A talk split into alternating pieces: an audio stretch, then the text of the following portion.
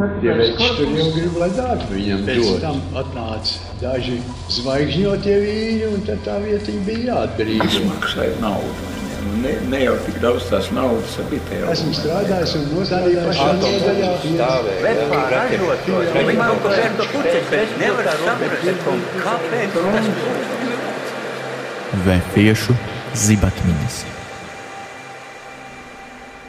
Jēkabs Vārna, Kārļa dēls, dzimis 1907. gada 11. februārī.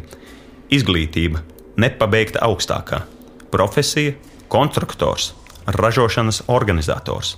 Strādājis rūpnīcā VF no 1926. gada līdz 1946. gadam VF telefonu nodaļā. Par VF atjaunošanu pēc 1944. gada 13. oktobra direktora Gailes vadībā.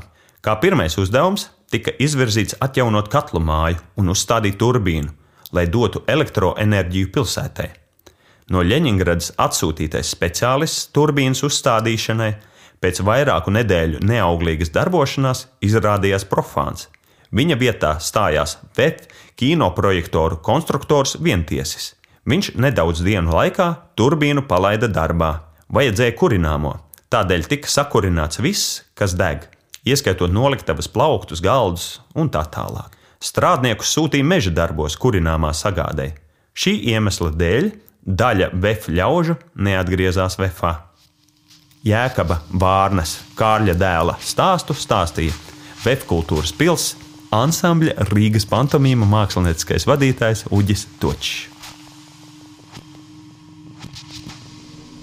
Marta Lauks, dzimusi 1913. gada 23. janvārī, izglītība vidējā, profesija kancelējas darbiniece, strādājusi rūpnīcā VF no 1936. gada līdz 1974. gadam VF rūpnīcas kancelējā. Vefā sāku strādāt 1936. gada 15. septembrī Spulģu rūpnīcā. Tur pabiju līdz 1937. gada maijam, kad manas darba gaitas aizved uz sekretariātu. Šī darba vietā, kuras nosaukums gan tika daudzas reizes mainīts, līdz palika par kanceleju, arī aizgāja mans darba mūžs starp vēstuļu kalniem un zīmogiem. Pa to laiku mainījās desmit tiešie priekšnieki, sākot ar Dābolu kungu līdz Biedrenei Smirnovai. Apmēram tikpat daudz arī augstākie priekšnieki.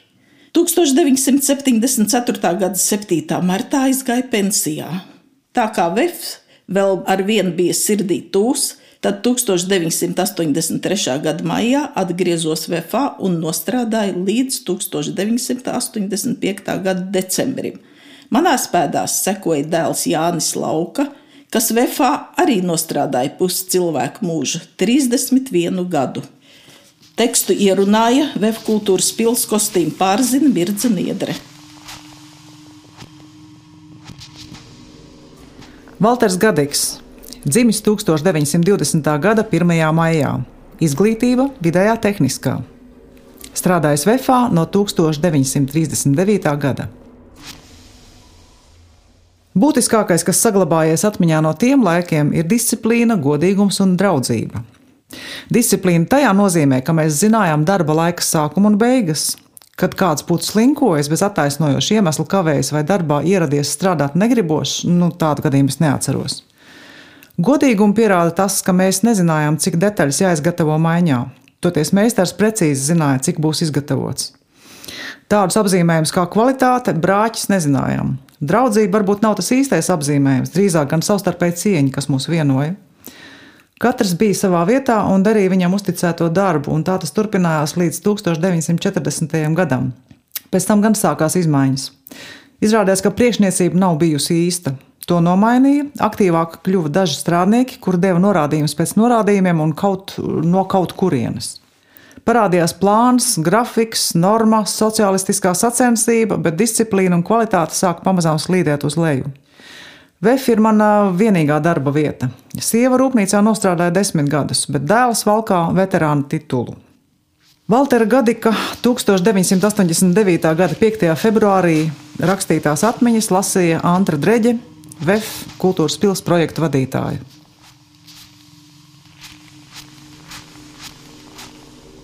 Pēters Belovs, Elmāra dēls. Dzimis 1920. gada 20. septembrī. Izglītība nepabeigta augstākā. Profesija - inženieris konstruktors. Strādājis Rūpnīcā VF no 1939. gada līdz 1982. gadam, ar pārtraukumu no 1944. līdz 1945. gadam. VF 32. darbnīcā konstruktoru nodaļā 2. cehā 16. cehā, 21. nodaļā un lielās telefonijas cehā. Sienas avīžu mākslinieks un redaktors. 16. cehā un 21. nodaļā VF darba veterāns. Mans stāstījums par radioražošanas palielināšanu. Tolaik bija izveidots 16. cehs, kur atradās konstruktoru birojas un attiecīgais mehāniskais cehs. Konstruktoru biroja vadītājs bija Nikiforovs un rūpniecības galvenais inženieris Egle. Mūsu konstruktoru birojām tika uzdots pasūtījums uzkonstruēt tādu montāžu ierīci, kuru varētu pagriezt trijās plaknēs. Manā grupā to uzkonstruēja un tika ziņots galvenam inženierim Eglem.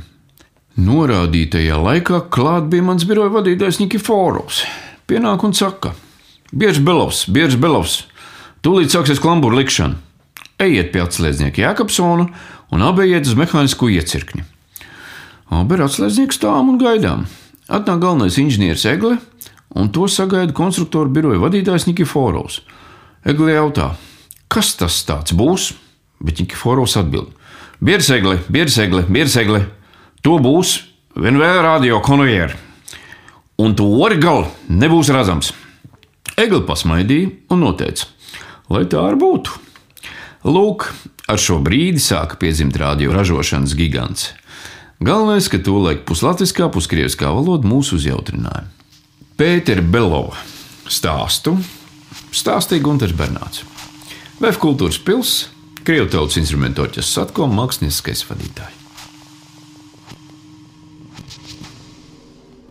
Lūcija Daugule, dzimusi 1942. gada 25. augustā. Izglītība vidējā tehniskā, iegūta Rīgas celtniecības tehnikumā.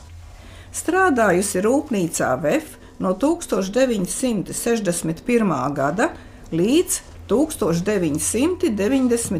gadam, 7. radio cehā. Iestājos VF kā radioaparātu montētāja, aizgāju pensijā kā 7. radio ceha otrās nodaļas priekšniece. Strādāju 7. cehā kā radiomontētāja pēc ražošanas apvienības reorganizācijas. Strādāju 7. cehā kā minētā ceha pirmās kategorijas meistars, tad vecmeistars un tajā pašā cehā kā ceha priekšnieks līdz pat aiziešanai pensijā. Biju 7. ceha arotbiedrības organizācijas locekle. Arotbiedrības organizācijā darbojos līdz pat aiziešanai pensijā. Vienmēr biju atsaucīga uz katru savu darba biedru lūgumu, ierosinājumu un, cik varēju, arī palīdzēju. 1985. gadā piešķirts nosaukums darba veterāns. 1963. gadā piešķirts nosaukums kvalitātes teicamnieks. Latvijas augstākās padomes prezidija goda raksts piešķirts 1979. gadā. Reizēm redzot televīzijā vecās padomju laiku filmas, kur uzņemts tā laika pārtikušo padomju nomenklatūras ģimeņu dzīvokļu interjers, Kaut kur uz komodes vai plauktiņa stāv vecais labais vefiņš. Sirdī ieplūst tāds siltums. Lai arī tranzistors ražoja tā saucamo šurpo trebu, plaša patēriņa preces, pēc šīm precēm bija pieprasījums gan Padomju Savienībā, gan arī citur.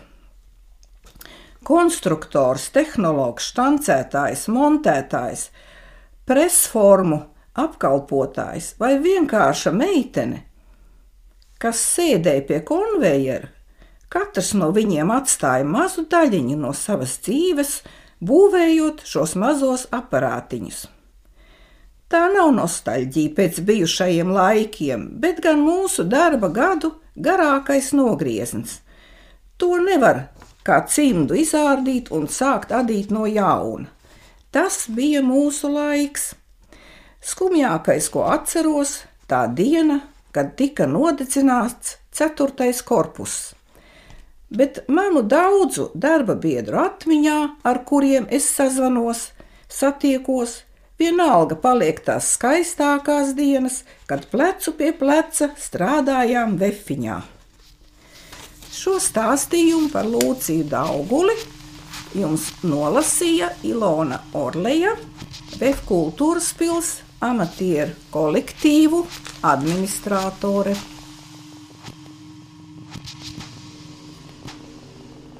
Viktors Zariņš, Kārļa dēls, dzimis 1910. gada 6. maijā.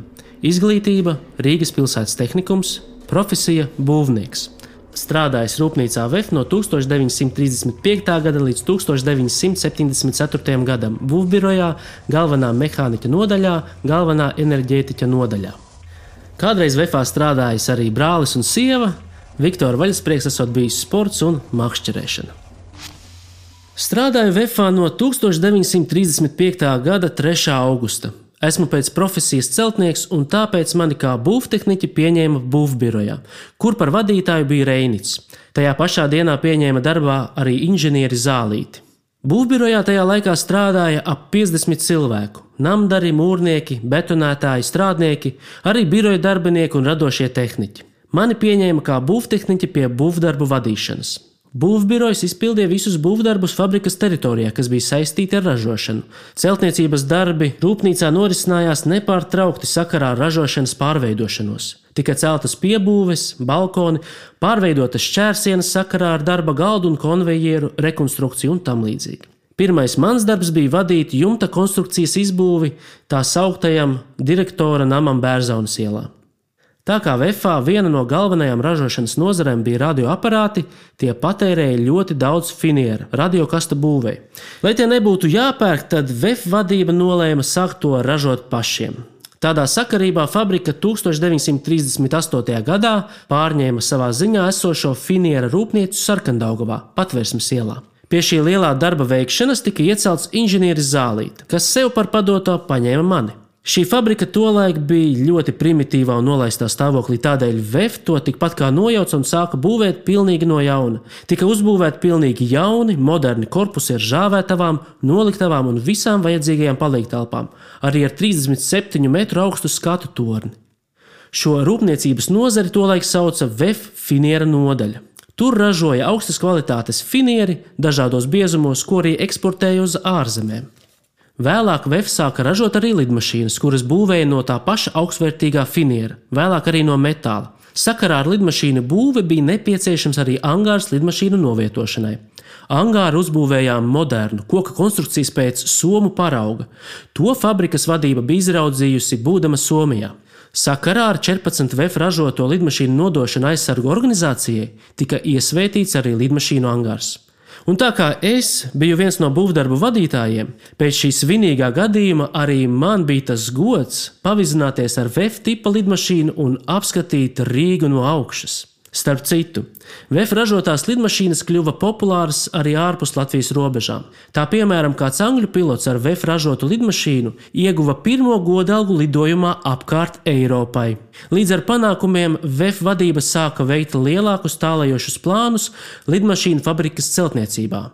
Tapa projekti jaunās lidmašīnu rūpnīcas celtniecībai ar jaudu aptuveni 500 lidmašīnu gadā. Tas ir vairāk kā viena lidmašīna dienā. Tā kā VF ar vien vērtās platumā, radās vajadzība domāt arī par kurināmā sagādi katlu māju apkurei. Tādā sakarībā 1939. gadā VFam piešķīra kūdras purvu Mārupē, Jelgavas šosejas 8. kilometrā. Šīs rūpniecības nozares darbību uzticēja būvbirojam.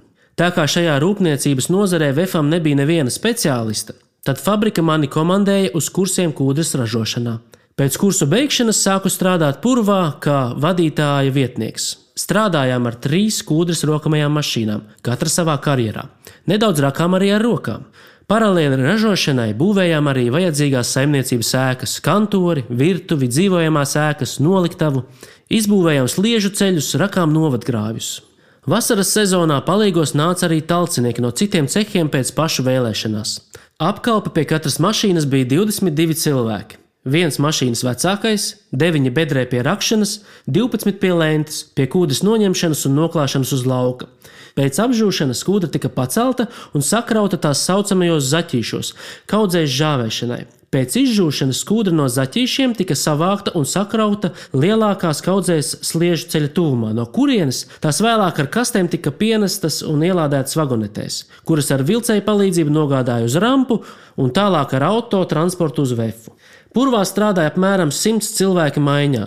Saražoto kūdru varēja nopirkt arī darbinieki. Starp citu, mūs apciemoja arī valsts prezidents Kārlis Ulmanis.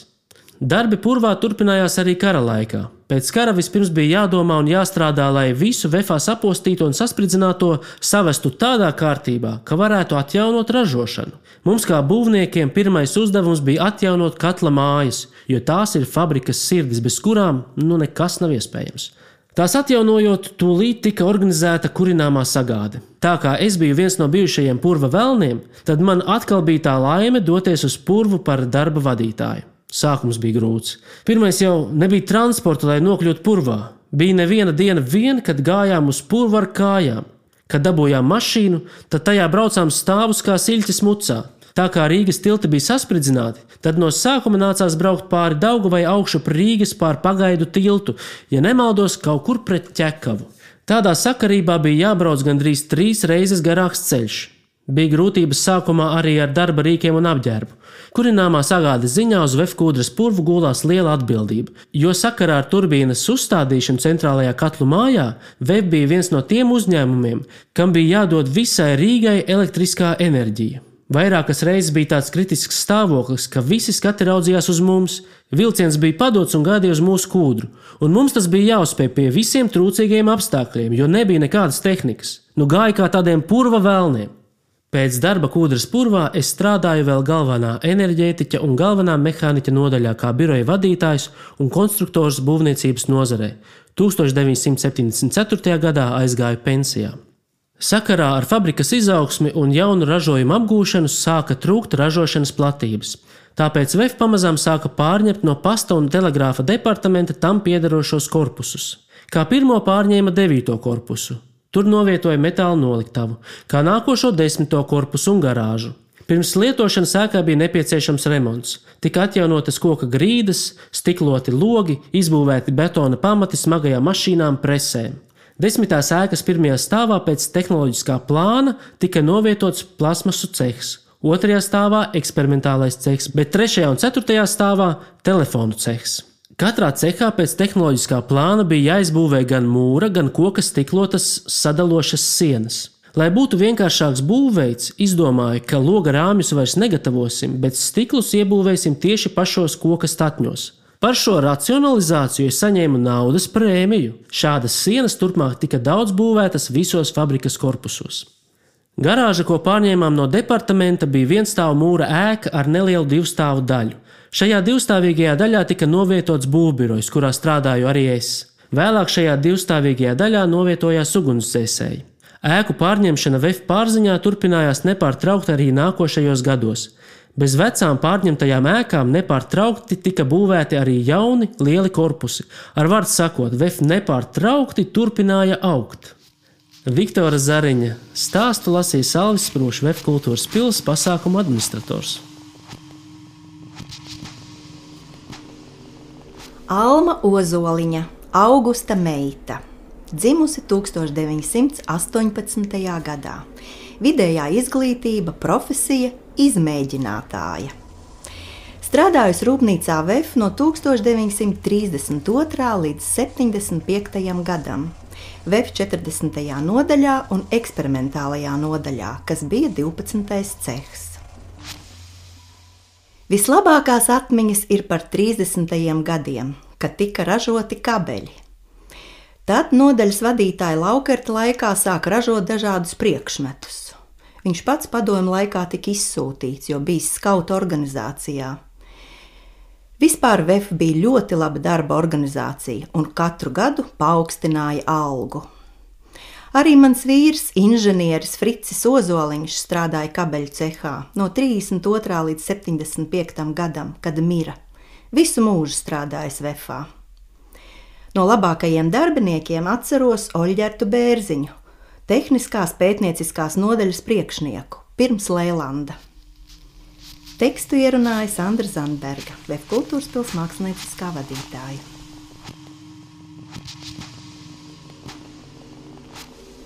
Žanis Biesbārds, dzimis 1930. gada 18. novembrī. Izglītība vidēji tehniskā, profesija VF konstruktors. Strādāju rūpnīcā VF no 1944. gada līdz 1962. gadam. VF otrā cehā galvenā mehāniķa nodaļā SKB, speciālajā konstruktoru birojā. Pēc tam strādāju rūpnīcā komutators. Spilgtākais iespējas ir par pirmām darba dienām. Kad sāku strādāt, darba vietai vēl bija vecais nosaukums - 11. darbnīca, kur atradās brīvības un bērnaunas ielas stūrī. Visi logas brīvības ielu bija izsisti, un mums puikām lika iztīrīt rāmis no tepes. Nu, tā tik bija tepe. Dzirsteles šķīda. Tāpat bija, kad mūsu tos pašus puikas lika virpu griezt ar rokām, jo elektrības to laik vēl nebija. Atnāca kaut kādi reportieri mūs nofotografēja un avīzē Komsomolskajā pravda parādījās raksts ar mūsu fotografiju. Jaunie stahānovieši izgudrojuši, kā darbināt virpu. Žaņa biezbārža stāstu runāja Rinalds Popovs, Vēf kultūras pils, gaisma režisors. Andrita Lenērta Rubene, dzimusi 1934. gada 30. oktobrī. VF sekretāre, izglītība vidējā, strādājusi rūpnīcā VF no 1953. gada līdz 1990. gadam, tieši rūpnīcas sadzarā tranzistors. Ilgus gadus darbojusies arotbiedrībā un bijusi sieviešu padomas priekšsēdētāja rūpnīcā Tranzistors. Atceros, kad strādājot sāku rūpnīcā VF, es ļoti kaunējos kādam stāstīt, ka strādāju fabrikā. Bet pēc diviem gadiem tieši otrādi es lepojos, ka tur strādāju. Kad 1953. gadā sāku, tas bija septītais cehs, kur strādāja apmēram 175 cilvēki, un es biju tabeļvede. Pēc tam pievienojās arī citi cehi, un mūsu cehā pēc armijas sāk strādāt Gunārs Astra. Viņš šeit arī apprecējās, bet, kad viņu apcietināja, sievu piespieda no viņa šķirties. Pie mums visi bija latvieši. Nu, visi bija, protams, arī vecāki par mani, un es biju visjaunākā. Un neviens krieviski nemācīja runāt. Es vienīgā pratu krieviski. Tāpēc mans priekšnieks Galkovs man izmantoja kā tulku vienmēr. Un tas bija smieklīgi, ka es tāds skuķis, nu, biju visam tāda vieglprātīga, un kad kaut ko uzdeva darīt, es vienmēr aizmirsu. Un Galkovs tad teica, kas nav galvā, tas ir kājās, un man bija vienmēr jāiet otrais. Ceks ar vienu paplašinājās un paplašinājās, un beigu beigās kļuva par rūpnīcu tranzistors. Un tur strādāja jau vairāk nekā 3000 cilvēku. Nu, es par sekretāru sāku strādāt tieši pie tranzistora priekšnieka. Galkova, un man tas darbs ļoti patika, jo man vispār ļoti patīk strādāt ar cilvēkiem. Pie mums strādāja par mehāniskā ceha priekšnieku arī tagadējais, labi zināmais uzņēmējs Kirovs Lipmans. Mūsu priekšnieks bija ļoti stingrs, bet ļoti cienīja cilvēkus, kas bija gudri un kas godprātīgi darīja savu darbu. Nu, mums vispār bija ļoti jauks un saliedēts kolektīvs. Braucām daudzās ekskursijās, rīkojām dažādus vakarus, vefkultūras pilī. Es vienmēr organizēju. Un, kad mums maijā bija radiodienas, mums vienmēr pilī bija balle. Un es organizēju, un loterijas taisīju, un priekšnieks mani par to ļoti cienīja un vienmēr arī daudz ko uzdeva. Man ar visiem kolēģiem bija ļoti labas attiecības, un arī strādnieki man cienīja, tāpēc ka es viņus nevērtēju zemāk. Nu, teiksim, citi varbūt, kas kantorī strādāja, tā uz strādniekiem skatījās mazliet šķīvi kā uz uh, zemākas šķiras, bet es noteikti ne visus cienīju. Un lai cik dīvaini varbūt kādam arī liktos, bet man ir vislabākās atmiņas par manu darba mūžu, jo es darīju darbu, kas man patiešām patika. Biju ar cilvēkiem. Andrits Lenerts Rubens atmiņas lasīja Vefkultūras pilsētas vadītāja Liena Kubiļus. Vēfiešu zibatmiņas. Vēfiešu dzīves stāstos iejutāmies mēs, Vēf kultūras pilsētas darbinieki.